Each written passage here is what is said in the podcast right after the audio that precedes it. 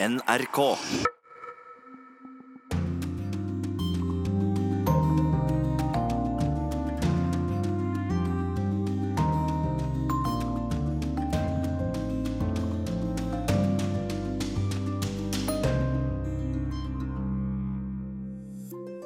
Det blir for drøyt å kalle henne en spåkone, men vi har likevel bedt utenriksministeren se inn i det nye året.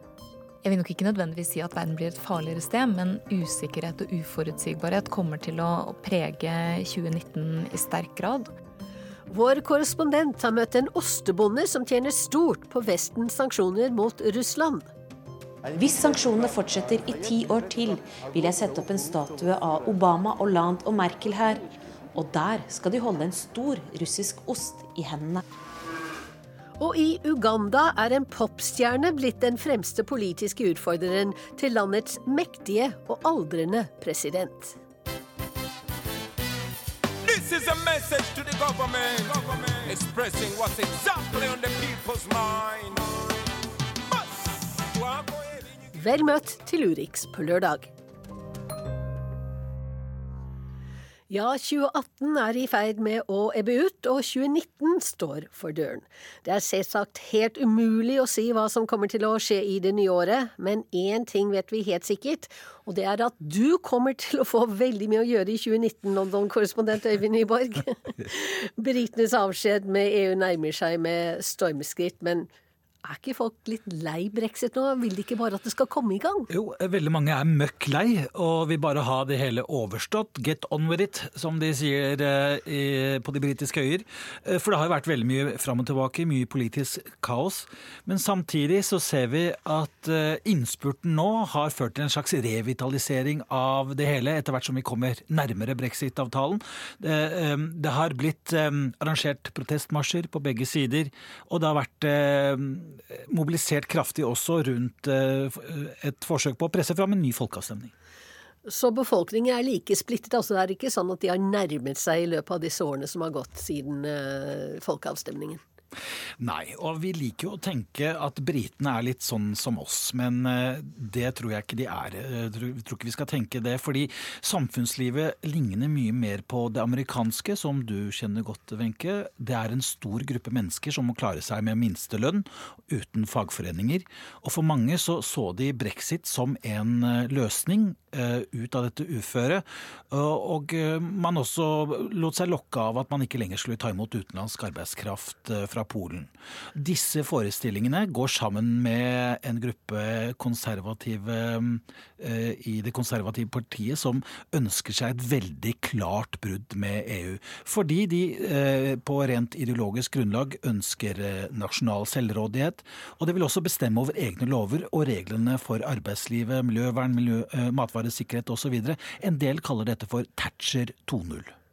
Eh, og så har du en tredje gruppe da, som eh, statsminister Theresa May er en del av, finansminister Philip Hammond osv. De ønsker et kompromiss, og det er i, denne leiren de er. Og fortsatt er frontene veldig steile. I dag er det nøyaktig tre måneder til eh, britene skal forlate EU. Er det helt sikkert at det blir noe av? Det er ikke helt sikkert. fordi eh, det siste nå er eh, at man har kommet opp med et tredje alternativ. Statsminister May sier nå at det blir, må bli min deal, ingen deal, eller ikke noe brexit i det hele tatt. Det man skal gjøre, etter planen iallfall, er å stemme over den avtalen som ble signert eh, i Brussel. Eh, May har jo håpet nå at eh, litt sånn julekalkun og litt sånn hvile på sofaen i jula har, har liksom mørna politikerne litt, slik at de nå, ifølge henne, da, skal sette nasjonen først, framfor å sette egen politisk vinning først. Så hun kommer til å komme tilbake og gjenta budskapet om at det må bli hennes avtale, ingen avtale eller ikke noe brexit i det hele tatt.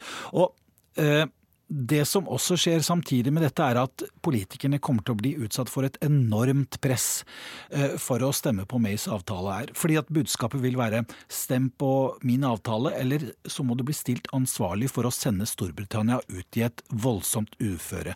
Og Det er derfor vi ser mange av disse sakene som har kommet eh, i det siste, om hva som kan skje dersom man forlater EU uten noen avtale. F.eks.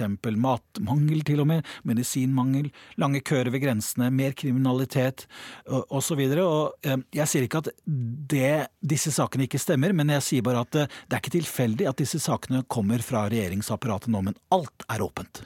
Takk skal du ha, Øyvind Nyborg. Også utenriksminister Ine Eriksen Søreide ser på brexit som et av de store usikkerhetsmomentene i året vi nå går inn i. Her i Urix på lørdag har jeg bedt henne se eh, inn i krystallkulen, så å si, eller i hvert fall dele tanker om hva verden har i vente det neste året. Og jeg har blant annet spurt henne om det spiller noen rolle for Norge om britene forlater EU med en avtale eller uten. Ja, det har veldig stor betydning, og vi har jo hele veien vært eh tydelig på at det aller beste, både selvfølgelig for Storbritannia og EU, men også for norske interesser, er at det blir en ryddig og ordna brexit. Vi har et veldig nært og godt forhold til Storbritannia, og det ønsker vi å fortsette å ha. Men i dag er jo veldig mye av vårt forhold knytta sammen gjennom EØS-avtalen. Og når britene går ut av EU, så går de også ut av EØS. Og det betyr at vi må lage en god del nye avtaler på mange områder. Det er stor vilje på begge sider til å, til å finne de gode avtalene. Men vi er jo ikke de eneste britene forhandler med. De forhandler nå med veldig mange i tillegg til EU. Og det er et uoversiktlig landskap også for britene. Så vi ønsker å ivareta norske interesser best mulig. Vi ønsker å ha et nært og godt forhold til Storbritannia. Og vi skal jo fortsette vårt nære og gode forhold til EU også etter at Storbritannia trer ut. Slik det ser det ut nå, eh, blir verden et mer usikkert og dermed også farligere sted i 2019? Jeg vil nok ikke nødvendigvis si at verden blir et farligere sted, men usikkerhet og uforutsigbarhet kommer til å prege 2019 i sterk grad. Og det er det jo mange årsaker til. Vi har jo nettopp snakka om brexit. Eh, men det andre er jo at vi, vi, ser generelt at eh, verden nå i større grad preges av en uforutsigbarhet som vi ikke så for fem eller ti år sia. Det betyr at når vi skal manøvrere Norge eh, trygt i det ganske urolige farvannet vi ser, så må vi også tenke litt nytt om enkelte ting. Måter vi jobber på, allianser vi bygger, og samtidig støtte opp om det som jo ivaretar våre kjerneinteresser på best mulig måte. Det er jo særlig det multilaterale systemet. Verdens handelsorganisasjon, vi har Nato, FN, eh, for å nevne noen. Og det utfordrende nå, som, som gjør det annerledes enn det vi så for noen år siden, er jo at institusjonene og rammeverkene sjøl er under press. Det er jo ikke bare det at eh, land opptrer på ulike måter enn det de har gjort før, men selve institusjonene er under sterkt press. Eh, og Derfor så jobber jo vi nå både med å reformere og styrke f.eks. Verdens handelsorganisasjon og FN. Vi har fått gjennomslag for veldig viktige områder for Norge når det gjelder reformering av Nato, som gjør Nato sterkere. Men det krever mye ressurser fra oss. Eh, og det krever også at vi tenker mm, både klokt og for så vidt også litt nytt om hvordan vi skal jobbe med å bygge allianser som kan bidra til at vi får gjennomslag for norske interesser, og også de globale interessene vi er opptatt av. Det er ett navn som ligger under eh, det du sier i dette svaret her, og det er Donald Trump og USAs nye politikk. Er det han som er skylden, eller har skylden for den usikkerheten som du beskriver? Usikkerheten rundt eh, mange av de elementene som vi snakker om her, starta for så vidt lenge før Donald Trump. Um, men det jeg tror nok er litt underkommunisert, og som kan være vanskelig å få øye på i flommen av både twittermeldinger og ulike utsagn, er jo at det relativt sett er mye stabilitet i særlig det bilaterale forholdet til USA. Det utvikles på en god måte, hvor det er et økende engasjement eh, både for eh, norske vurderinger og interesse for norske vurderinger, kanskje spesielt knytta til nordområdene men også eh, for engasjementet i Europa. Og hvis vi spoler litt tilbake, så kan vi huske eh, president Obamas eh, si, reorientering mot Asia, som jo gjorde at engasjementet og interessen for Europa avtok noe. Selv om den fortsatte i aller høyeste grad, men, men de var veldig fokusert på Asia av helt åpenbare og naturlige årsaker.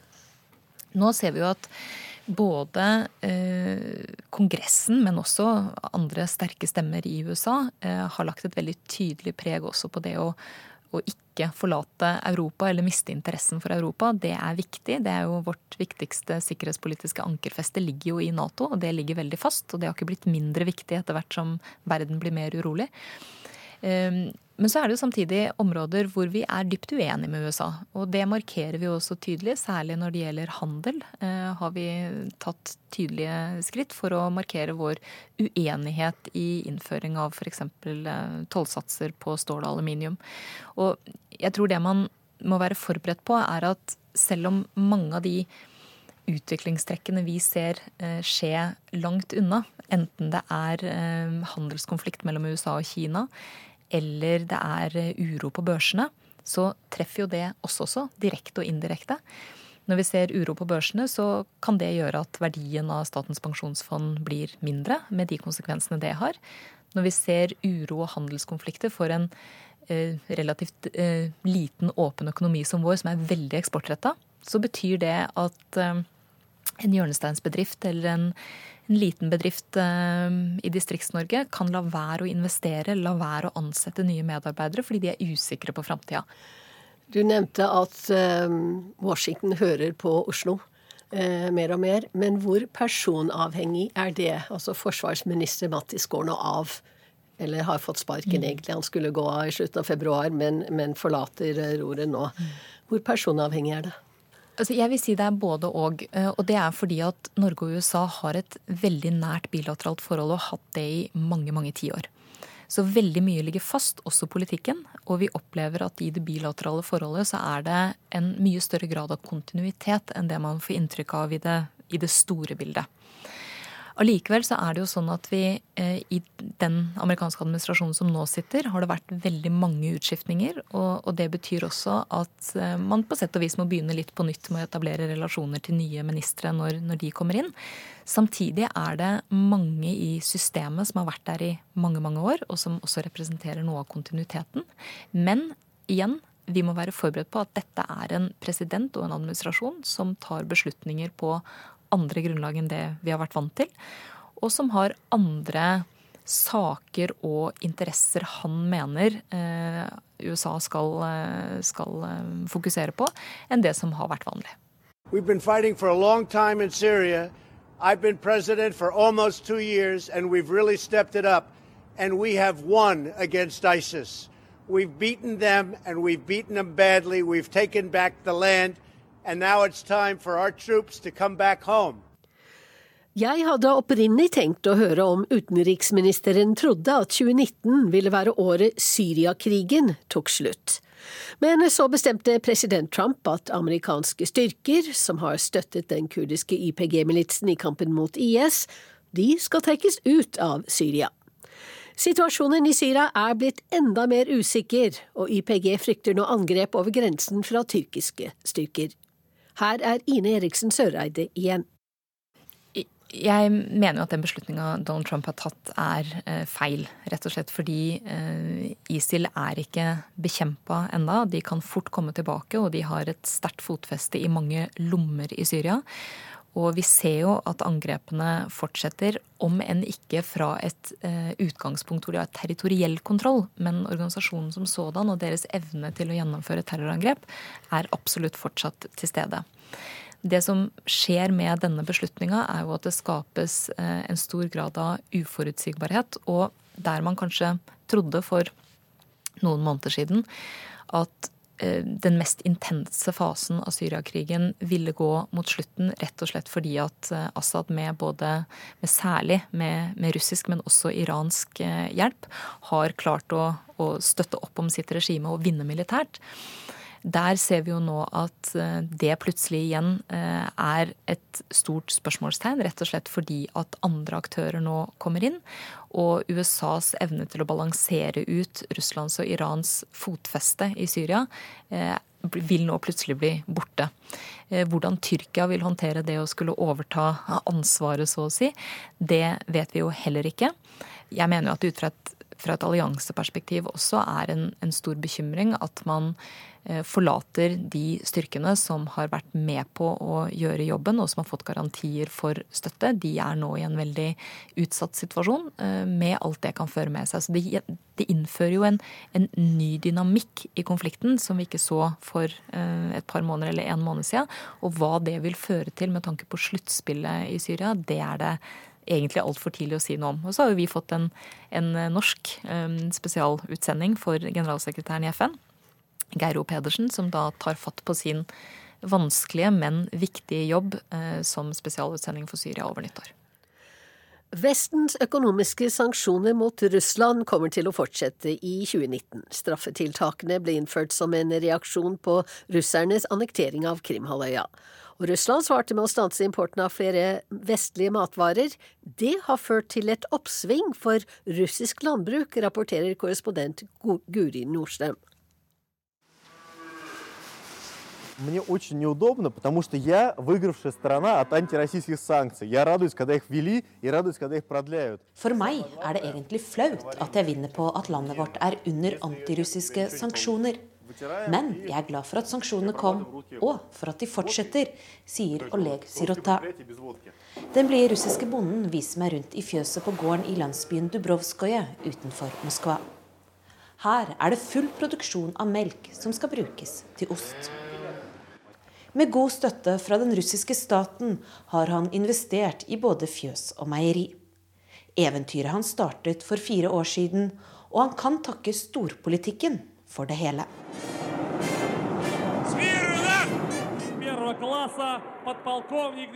Da Russland annekterte Krimhalvøya i 2014, mente Vesten at dette var et brudd på internasjonale lover. De innførte derfor en rekke sanksjoner mot Russland. Russlands president Vladimir Putin svarte med å innføre importforbud på en rekke vestlige varer, deriblant ost. Og for Sirota har det vært en gullgruve at utenlandske konkurrenter ble ryddet av veien på den måten.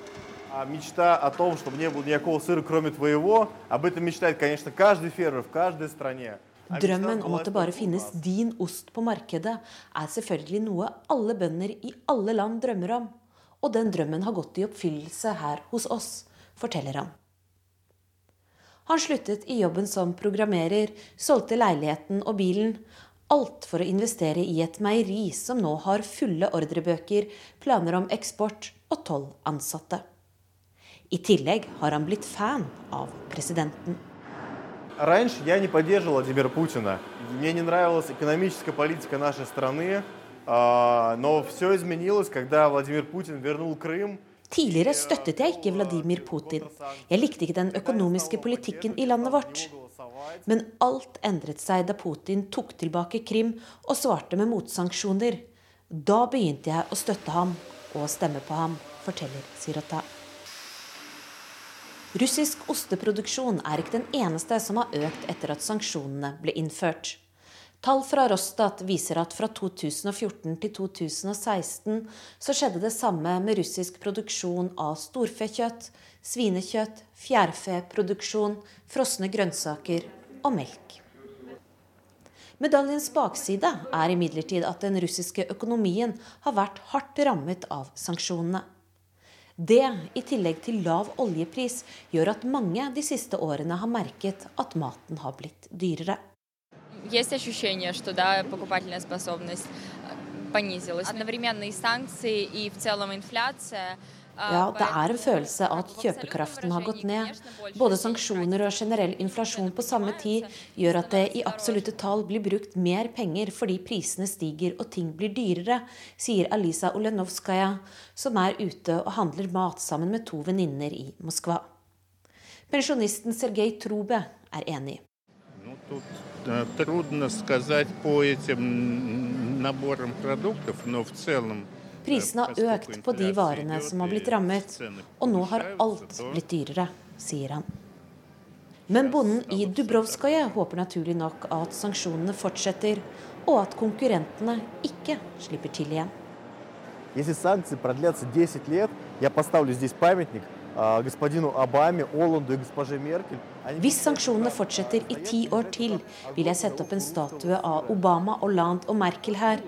og der skal de holde en stor russisk ost i hendene.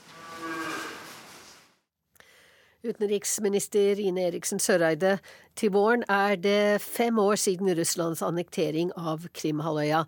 Hvordan vil det fortsette å påvirke internasjonal politikk i 2019? Vi står veldig fast på det som har vært vår linje hele veien, nemlig at vi ikke aksepterer brudd på folkeretten der eh, man går inn og endrer grenser med makt eh, og bruker militærmakt for å nettopp ta deler av et eh, annet land. Og det har vi vært veldig klare på hele veien. Og det er ingen overraskelse for russerne at vi mener dette. Dette har vi alltid ment også tidligere. Så har jo vi både en fast og forutsigbar holdning til Russland, eh, både militært og politisk. De vet godt hvor de har oss, de vet godt hva konsekvensen av vårt Nato-medlemskap er.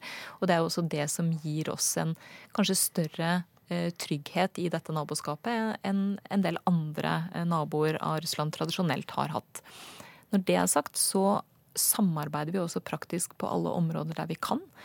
Og vi har politisk kontakt. Jeg møtte Sergej Lavrov senest i forbindelse med OSSEs møte i Milano nå i begynnelsen av desember. Vi sier ifra om det vi er uenige om, veldig tydelig. Eh, og vi har et praktisk og pragmatisk samarbeid på områder av felles interesse. Og det spenner jo i hele feltet fra fiskeriforvaltning til folk-til-folk-samarbeid, eh, atomsikkerhet, miljø. Eh, og det er et samarbeid som, som, både har løpt og kommer til å løpe eh, videre. Og det er jo fordi vi har mange felles interesser også. Du nevnte atomsikkerhet. Kan USAs eh, Iran-sanksjoner og straff mot land som handler med Iran, føre til at Iran dropper ut av avtalen og, og prøver å utvikle atomvåpen videre? Hva skjer med Nord-Korea? Blir det noe nytt toppmøte der? veldig mye usikkerhet der også? Det er det absolutt. Og jeg tror nok at særlig når det gjelder um, Nord-Korea, så er nok også noe av den store utfordringa er en ulik virkelighetsforståelse av hva man egentlig snakker om. Uh, om man snakker om full denuklearisering, altså at Nord-Korea gir opp sitt atomprogram, eller om man snakker om en, en, gradert versjon av det, som gjør at de fortsetter å opprettholde sitt atomprogram, men eh, at det da anses som en slags ny normal, og at man må forholde seg til Nord-Korea med atomvåpen. Det er nok noe av den usikkerheten som også har blitt skapt etter dette Singapore-toppmøtet i juni, hvor man rett og slett snakker om eh, ulike ting og har helt ulike forventninger. Eh, når vi ser på Iran, så er jo mye av utfordringa med atomavtalen nå, er at Europa alene kan ikke kompensere for bortfallet av USA. Vi har jo beklaga at amerikanerne trakk seg fra avtalen fordi vi mener at den eh, har fungert etter hensikten og har hindra Iran i å utvikle atomvåpen videre. Samtidig så har vi sagt veldig klart ifra at den kun dekker en liten del av det som er utfordringa med Iran. Den håndterer jo ikke det ballistiske missilprogrammet, som er en, og representerer en, en betydelig risikotrussel. Og den håndterer heller ikke eh, Irans regionale rolle. Og det er også, etter vår oppfatning, eh, vanskelig å se for seg hvordan man i et eh, langt tidsperspektiv skal klare å holde Iran i en avtale som eh, kun har én side. Eh, jeg håper og tror at det skal være mulig å få, få, det til på kort sikt. Men vi ser jo at prosessen i EU også tar mye lengre tid enn det man trodde i utgangspunktet. Og det er, et, det er en betydelig bekymring både for Irans regionale rolle og ikke minst hva det kan få å si for andre land i regionen dersom Iran igjen begynner å utvikle eh, atomvåpen. Rett og slett fordi at det er andre aktører i regionen også som da vil se seg nødt til eller tjent med å gjøre det samme. Vi har vært innom USA, vi har vært innom Russland, eh, Kina og nordområdene. Kina vil investere i flyplasser på Grønland. Hva sier dette om deres ambisjoner i nordområdene? Jeg tror vi skal være veldig oppmerksom på at Kina har eh, mange utenrikspolitiske ambisjoner nå som er tydeligere uttalt enn det de var før. Og det kom jo særlig gjennom den siste partikongressen, hvor de også skrev inn veldig tydelige formuleringer om en langt mer framoverlent utenrikspolitikk enn det som har vært vanlig for Kina. Kina har jo stort sett vært opptatt av en slags ikke-innblandingslinje, eh, og at den, eh, den, gjelder på alle plan, og at hvert land skal få lov til å håndtere sine både utfordringer og, og andre spørsmål. Men det at de nå eh, lener seg mer framover, gjør store investeringer og avtaler, langsiktige avtaler, store lånetransaksjoner mange steder i verden, det gjør jo også at eh, man ser en større grad av avhengighet eh, av Kina i mange land. det er en bekymring i en god del land for, for hvordan eh, denne rollen skal utøves langsiktig. Ikke først og fremst kortsiktig, men mer langsiktig. Norge var eh, tilhenger av at Kina skulle få observatørstatus i Arktisk råd. Det har de fått. Ut fra, den, ut fra det enkle resonnement at det er bedre med en stor aktør som Kina rundt det samme bordet for å diskutere disse spørsmålene, enn at vi får en situasjon hvor eh, Kina f.eks. ser for seg et engasjement i Arktis som skiller seg helt fra, fra det de arktiske statene jobber med. Og det er jo en det er jo et viktig tema for oss også. Nordområdene er jo vårt viktigste strategiske ansvarsområde.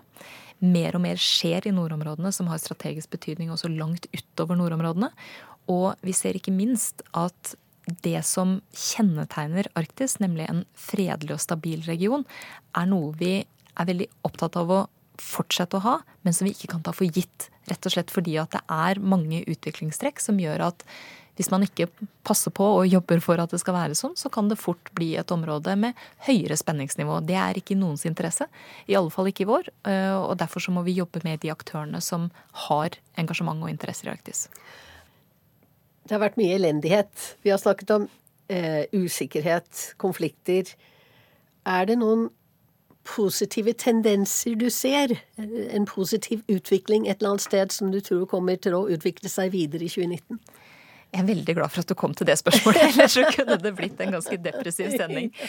Eh, vi ser jo heldigvis også veldig mange positive utviklingstrekk. Hvis vi ser globalt, altså barne- og mødredødeligheten synker dramatisk.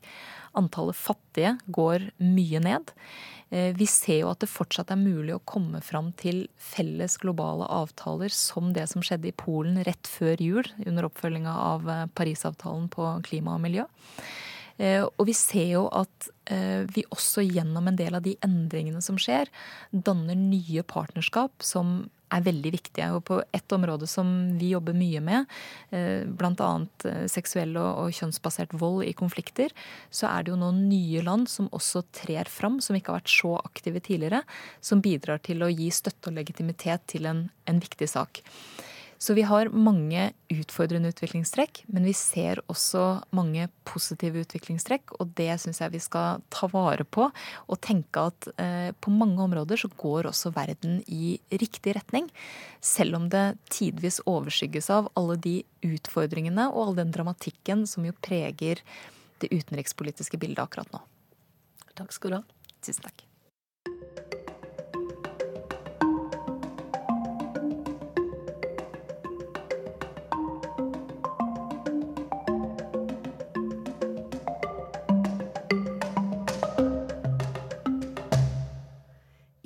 Uganda har en popstjerne nå blitt den fremste politiske utfordreren til landets mektige og aldrende president.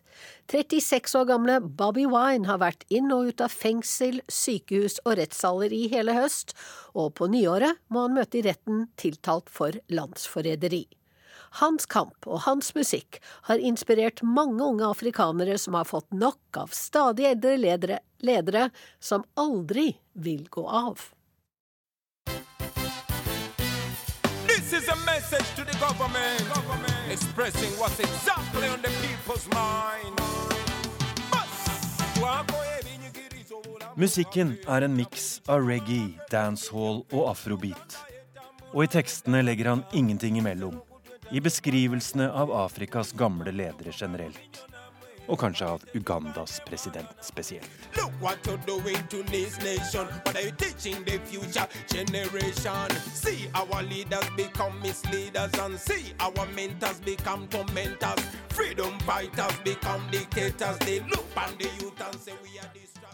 De som skulle lede oss, de villeder oss.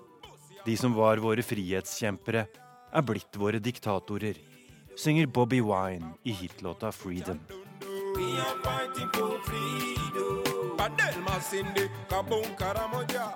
Gettopresidenten blir han kalt nå, av sine mange unge tilhengere.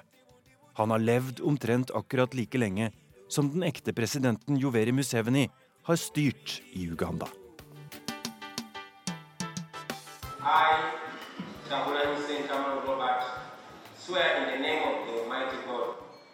Bobby Wine heter egentlig Robert Kyagulani Sentamu Og i fjor sommer ble han valgt inn og avla sin ed til den ugandiske nasjonalforsamlingen. Dermed er det blitt vel så mye politikk som musikk i året som har gått. Og ganske mye dramatikk også. Well, they did unspeakable things to me. They brutally arrested me, beat me, tortured me, abused me, and left me for dead. Politiet arresterte meg på brutalt vis. De slo meg, torturerte meg og etterlot meg nærmest døende, fortalte Bobby Wine til BBC Africa tidligere i høst. Da hadde han måttet reise til USA for å få legebehandling. Et valgkamparrangement endte med steinkasting mot bilen til president Museveni og arrestasjon av over 30 opposisjonspolitikere. Og ifølge Bobby Wine altså med tortur og mishandling fra myndighetenes side. Well, I'm going to continue, uh, most importantly, calling upon Ugandans, especially the young people, to stand up for what they believe in, to not give up, never to give up, to continue pushing until they get the freedom and dignity that they deserve. Ugandans have been tortured and killed for very many years. It has been happening, it is happening, and it will continue to happen until we as Ugandans put an end to it.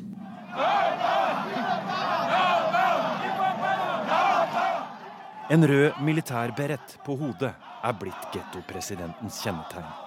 Pynta med ei stjerne i gull og påskriften 'People power, our power'. Folkemakt er vår makt. Det samme kampropet runget gjennom gatene i den lille byen Jinja nå en lørdag før jul. På Bobby Wines egen Facebook-side var det mulig å følge det ungdommelige opptoget da stjerna kom til byen. Myndighetene i Uganda har ikke villet la ham spille konserter, så lenge de også blir politiske møter. Og denne kvelden ble hotellet hans raida av politiet ved midnatt, og Bobby Wine måtte gjemme seg på hemmelig sted. I januar skal han etter planen stilles for retten, anklaget for forræderi. The police and the army are supposed to be serving the people. So it doesn't matter whether he has the police or the army. We have the people of Uganda on our side. Ifølge den politiske kommentatoren Rosebell Kagumire har den sittende presidenten aldri hatt en sterkere utfordrer noen gang i løpet av sine 32 år ved makta enn han nå har fra Bobby Wine. Bobby Wine encompasses a threat that Museveni faces. And the threat is real, and the threat is not Bobby Wine as an individual. The threat is the fact that the demographic dividend in Uganda is not in favor of Museveni. Young people are not going to vote Museveni whatsoever. No matter your age no matter your sex, no matter your religion, no matter your tribe, whether educated or uneducated, it's a revelation for the generation. This, whether you are a doctor or a farmer, whether you are a teacher or policeman, could I be a tax driver or a student, could I be a lawyer, could I be a soldier. We are fighting for freedom. Osituke baboy, temopo ababoy. We are fighting for Og artisten selv ser bare to utfall av den frihetskampen han mener å ha begitt seg ut på. I'm going to continue the fight for freedom. And it is the fight that we must either win or die trying. Yes, man, like Martin Luther said, in the end, we remember not the words of our enemies, but the silence of our friends. Reporter i denne saken var Tore Moland. Vi har sett mye framover i årets siste Urix på lørdagssending. Nå skal vi få med oss litt ukjent historie. På Filippinene har de i mange år jobbet for å få tilbake et krigs krigsbytte fra den filippinsk-amerikanske krigen. Og før jul gikk ønsket endelig i oppfyllelse. Etter 117 år klinger kirkeklokkene fra byen Balangiga igjen på hjemlig jord.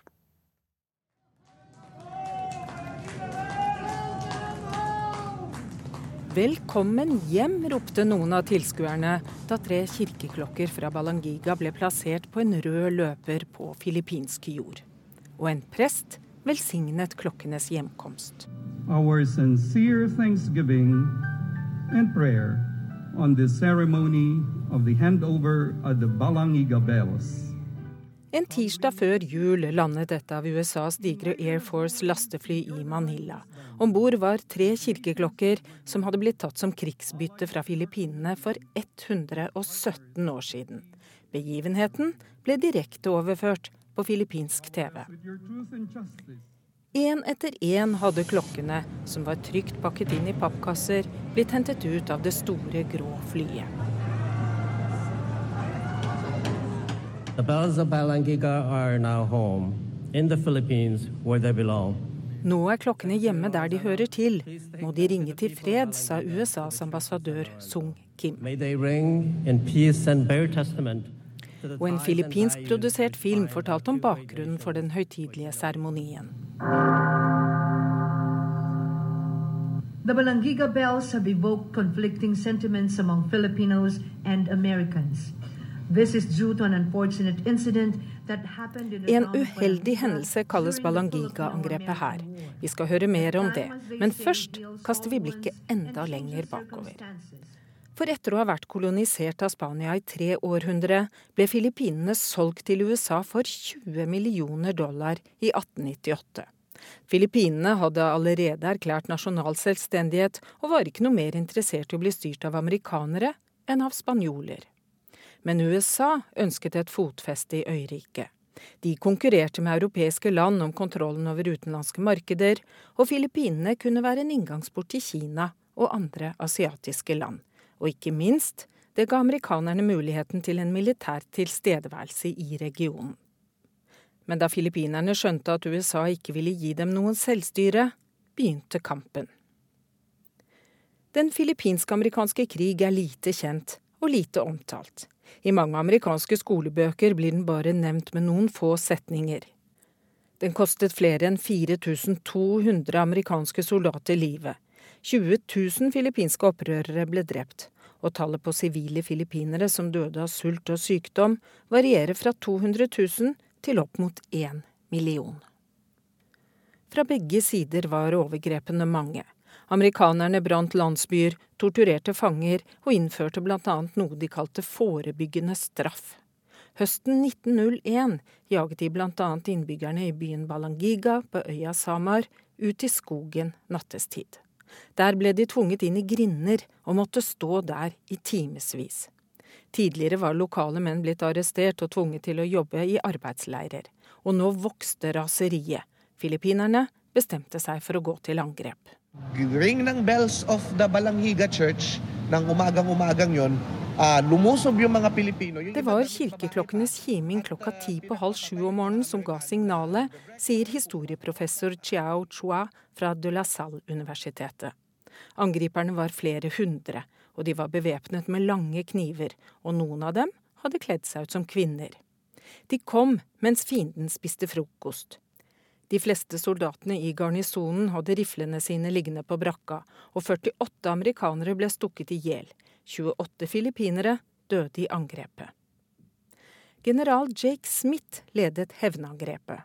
Han ga sine soldater ordre om å drepe alle over ti år, for, som han sa, de hadde ikke tid til å ta krigsfanger. Noen steder heter det at minst 2500 filippinere ble drept her, men akkurat hvor mange vet man ikke for nyhetene slapp ikke gjennom den amerikanske sensuren. Etter hevnangrepet tok amerikanerne tre kirkeklokker som et krigsbytte, og som et symbol for å minnes amerikanerne som var blitt drept. To av klokkene endte opp på en flybase i Wyoming. Den tredje havnet i en amerikansk forlengning i Sør-Korea. I mange år nå har Filippinene krevd å få kirkeklokkene tilbake.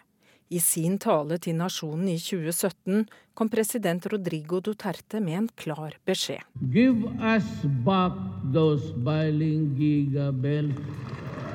Klokkene er en del av vår nasjonale arv, sa han. I 2018 underskrev president Donald Trump en avtale der han ga forsvarsminister James Mattis oppgaven med å avgjøre hva som skulle skje med kirkeklokkene. Og etter samtale mellom de to landene var det klart.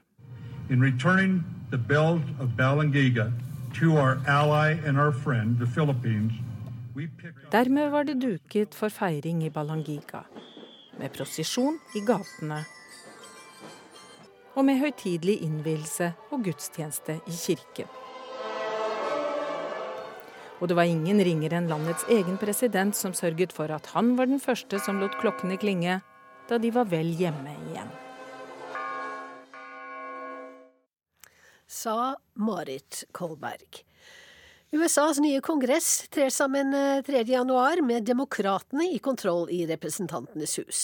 Men amerikansk politikk kommer ikke bare til å handle om Kongressen neste år. Posisjoneringen for presidentvalget i 2020 er nemlig allerede i gang. The very first votes in the first primary in the nation are being cast right now. You are watching it. We've got live pictures coming back now from Dixville Notch, New Hampshire. En av verdens minste stemmekretser, Dixville Notch, helt nord i New Hampshire, er alltid først, enten det er reelle valg eller bare nominasjonsvalg. Den lille staten i USAs nordøstlige hjørne har bare en drøy million innbyggere, vel så det. Så resultatet i seg selv er relativt uinteressant. Men New Hampshire har lovfestet at de skal ha det første primærvalget, og slik har det vært i 100 år. I denne sammenheng regnes ikke Iowa med, da de avholder allmøter og ikke valg. Derfor er meningsmålinger fra New Hampshire uansett og alltid interessante. New polling out of New Hampshire shows Massachusetts Senator Elizabeth Warren leading the Democratic field of possible presidential candidates. Når New Hampshire har slik tyngde i valgkampens innledende faser, så er det altså ikke pga. innbyggertall eller politisk tyngde, det er timing og tidspunkt. De er først ute, og det betyr alt. Valget i New Hampshire får enormt med nasjonal og faktisk internasjonal oppmerksomhet. Det blir toneangivende, det setter en standard, og det staker ut en kurs. Fordi det er det første. Resultatet i denne lille og oversiktlige staten er ofte basert på at velgerne faktisk har fått et personlig inntrykk av kandidaten, som driver gammeldags dør-til-dør-valgkamp, og ikke er basert på riksdekkende TV-reklamer eller fjerne kjendisvenner fra Hollywood. Kandidatene står på stand, de banker på dører, de håndhilser, de kysser småbarn og prater politikk med vanlige folk. Og det kan være helt avgjørende for en kandidat å gjøre det bra i New Hampshire. Bare spør Bill Clinton. I think we know enough to say with some certainty that New Hampshire tonight has made Bill Clinton the comeback kid. I 1992 var han så godt som avskrevet pga. Av rykter og skandaler, uklart budskap og lav oppslutning i Iowa. Han vant ikke i New Hampshire heller, men han ble, som han selv sa det, The Comeback Kid. Og poenget er, bare de mest nerdete husker at det var senator Paul Sangas fra Massachusetts, altså fra nabostaten, som vant demokratenes nominasjonsvalg i New Hampshire for mer enn et kvart århundre siden. Så han var ikke noe comeback kid, men han var faktisk the local kid, som alltid hadde vært der. Og selv om Songas vant klart i New Hampshire med all den gratis medieomtale og drahjelp det medførte, så var det Bill Clinton som ble nominert og valgt til USAs 42. president samme høst, altså i 1992. Og akkurat det poenget er det mange som trekker frem allerede nå, foran 2020. Lokale presidentkandidater kontra håpefulle fra stater langt unna. Ta for eksempel Massachusetts senator Elizabeth Warren. It has been a tough two years. Oh. But together, together, we have marched, together we have run. I likhet med Songas og Dukakis, John Kerry og Edward Kennedy, alle så er de fra Massachusetts, og alle har de gjort det bra i primærvalgene i New Hampshire helt siden 1980 men ingen av dem er blitt presidenter.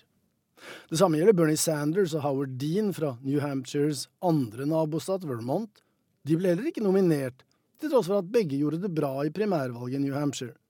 Likevel ble Hillary Clinton partiets presidentkandidat. Så når senator Warren nå leder på meningsmålingene i New Hampshire, lenge før det betyr noe som helst, kan det være, litt i hvert fall, på grunn av at hun er lokal kandidat fra det nordøstlige hjørnet av USA? I likhet med Bernie Sanders? I believe that Trump really does not politically believe in anything. I think his only concern is to win elections. Det samme kan man i en viss grad si om en annen demokratisk kandidat som nevnes ofte for tiden, senator Cory Booker fra New Jersey. I'm up for re-election as a United States Senator in 2020, so I will be running in 2020. Og en som alltid trekkes frem og blir nevnt, er tidligere New York-borgermester Michael Bloomberg. There's lots of possibilities. Lots of things you can do in the world. I have lots of ways to make a difference. Disse to er ikke akkurat fra New England, men lokale nok. I hvert fall regionale, sammenlignet med eventuelle kandidater fra California eller Texas, eh, Florida eller Alaska, for den saks skyld. Så kanskje kandidater fra nabo- eller nærliggende stater har et konkurransefortrinn i New Hampshire. Likevel, og med alt dette for øye, New Hampshire har alltid gitt en pekepinn og vil gjøre det for Donald Trumps demokratiske utfordrere også de kommende månedene. Presidenten selv sier at han stiller i 2020, og vil neppe få noen seriøse utfordrere fra egne rekker. For Trump spiller det egentlig ingen rolle hvem han møter, han regner med seier uansett opponent, sier han, men han drømmer om tidligere visepresident Joe Biden som motstander. I dream about Biden. That's a dream. Look, Joe Biden uh, ran three times. He never got more than 1%. Uh, I, I'd love to have it be Biden. Reporter her var Joar Ho Larsen. Den omstridte høyrepopulisten Jair Bolsonaro tar makten i Brasil ved nyttår, og det kan bety store endringer i Latin-Amerikas største land. Ukens korrespondentbrev kommer fra Arnt Stefansen i Rio de Janeiro. Om tre dager starter en ny tid her i Brasil. Jair Bolsonaros tid. Og det er mange som gleder seg. En av dem er drosjesjåføren Flavio Moreno, en stillferdig og sympatisk ung mann som er overbevist om at den omstridte høyrepopulisten er den rette til å styre landet. Han er den mest radikale, og det er nettopp radikale endringer dette landet trenger, sier sjåføren da jeg kjører en tur med ham gjennom bydelene Copacabana og Ipanema her i Rio de Janeiro. Flavio har et farlig yrke. Som drosjesjåfør må han ofte inn i farlige områder, og risikoen for å bli drept eller ranet er stor. En viktig grunn til å stemme på Bolsonaro er derfor løftene om å bekjempe kriminaliteten med alle midler. En god banditt er en død banditt, har den nye presidenten sagt, og mange brasilianere mener det samme. Flavio liker ikke uttalelsen, men mener at samfunnet må gå hardere til verks mot forbryterne. Når en kriminell dreper en politimann, reagerer ikke samfunnet. Men dør en banditt, ropes det om menneskerettigheter, og det blir masse diskusjon. Alle verdier er snudd opp ned, sier sjåføren, og blir så opprørt at han nesten kjører på en uvøren syklist som plutselig dukker opp foran bilen. Samfunnet må definere hva som er normalt og hva som ikke er det, sier Flavio da han igjen får kontroll over kjøretøyet. Ta et eksempel forholdet til homofili. Jeg kommer fra en tradisjonell familie og mener det er helt feil at skolebarn skal lære at homofili er riktig og normalt. Veldig mange mennesker her i Brasil er uenige og føler at deres liv og verdier blir tråkket på. De som har en annerledes seksuell legning, har sine rettigheter, og det skal vi respektere. Men heller ikke mer, sier Bolsonaro-velgeren og drosjesjåføren Flavio Moreno. Den reddeste, men også modigste jeg har truffet denne valghøsten her i Brasil, er den 63 år gamle Eduardo Michels, en kjent talsmann for rettighetene til LHBT, lesbiske, homofile, bifile og transpersoner. Han valgte å stå frem som homofil etter at han og hans samboer i fjor ble utsatt for et grusomt overfall her i Rio. Samboeren ble sparket gjentatte ganger i kjønnsorganene av et tjuetall overfallsmenn som ropte 'du trenger jo ikke disse', og han fikk store skader som han fortsatt lider under.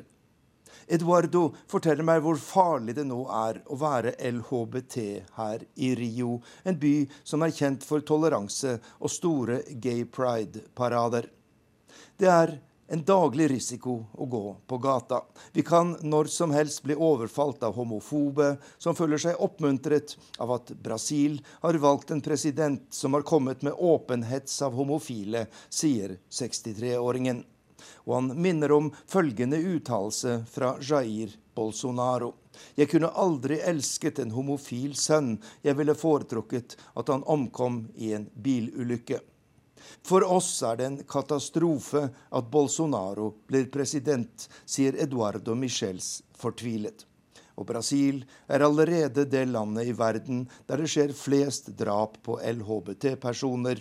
445 drap i fjor, en økning på 30% i forhold til året før. Bak Jair Bolsonaros ekstreme og ofte forvirrende uttalelser skjuler det seg et omfattende ideologisk prosjekt, og sjefideologen er en bebrillet og tilsynelatende mild 71-åring ved navn Olavo de Carvalho. Han sitter langt unna maktens sentrum i delstaten Arizona i USA, der han holder kontakt med sin store skare av tilhengere via sosiale medier. Han har skrevet 18 bøker om filosofi, politikk og ideologi, men det er først etter Bolsonaros forbløffende valgsuksess at navnet er blitt kjent utover de høyreekstreme miljøene. Olavo de Carvalho tenker stort. Selv om han er uten noen akademisk tittel, har han utviklet et omfattende politisk verdensbilde med tallrike filosofiske referanser og avanserte begreper. Hvor mye hans tilhengere skjønner av uttrykk som kognitiv parallakse, og hvor mye de forbinder med de mange kjente og ukjente filosofene som navngis, skal være usagt. Men de er enige i konklusjonene. Og den viktigste er at vestlig sivilisasjon trues av et venstreliberalt og kommunistisk komplott, kulturmarxismen, som undergraver kristendommen, sidestiller såkalte familieverdier med homofilt samliv og vil innføre fri abort. En del av det påståtte komplottet er ideen om menneskeskapte klimaendringer, som ifølge Carvalho og hans tilhengere har som mål å ødelegge vestlige økonomier og bidra til at Kina blir verdens ledende makt.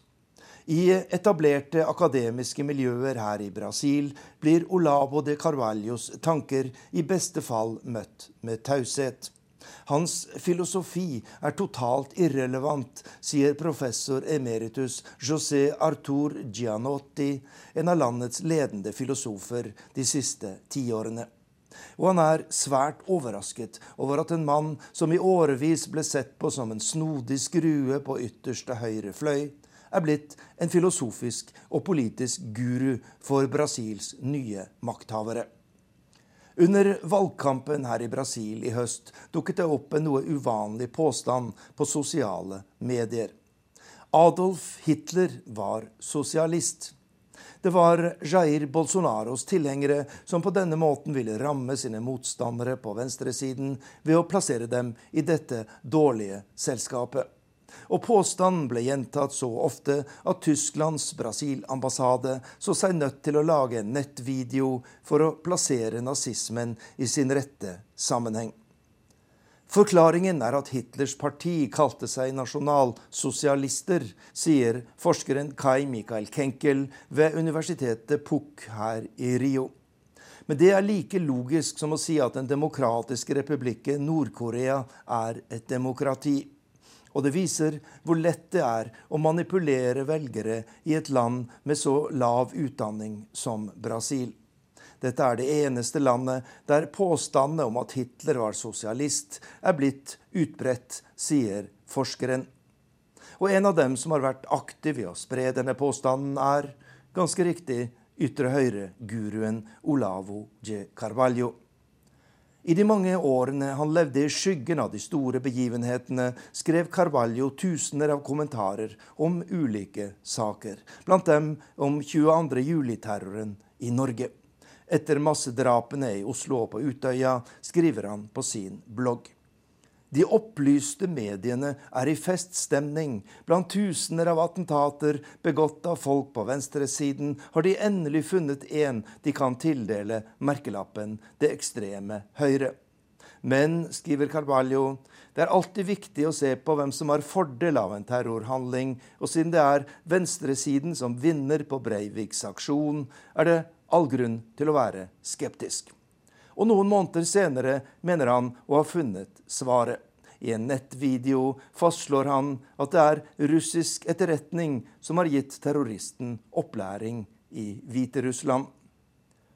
Olavo de Carvalho har nær kontakt med familien Bolsonaro, og hans mest solgte bok, det minimum du trenger for ikke å være en idiot, sto godt synlig ved siden av den nyvalgte presidenten da han holdt sin seierstale i slutten av oktober.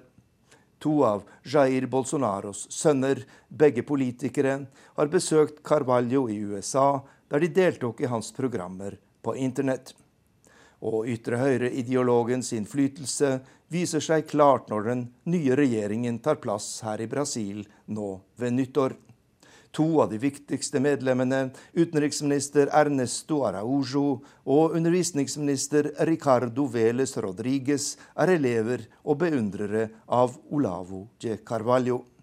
Den nye utenriksministeren ser USAs president Donald Trump som Vestens redning fra den såkalte kulturmarxismen og fra det han kaller klimafanatikerne og den kommende undervisningsministeren vil rense skoleverket for ideer som kan true vestlig og kristen sivilisasjon, slik han ser det. En kvinnelig lærer jeg kjenner her i Rio, sier det slik. Når Bolsonaro tar makten her i Brasil, må verden forberede seg på en ny kulturrevolusjon. Denne gangen fra den radikale høyresiden. Teknisk ansvarlig for denne sendingen har vært Lisbeth Sellereite, produsent Ragnhild Vartdal, og her i studio satt Wenche Eriksen.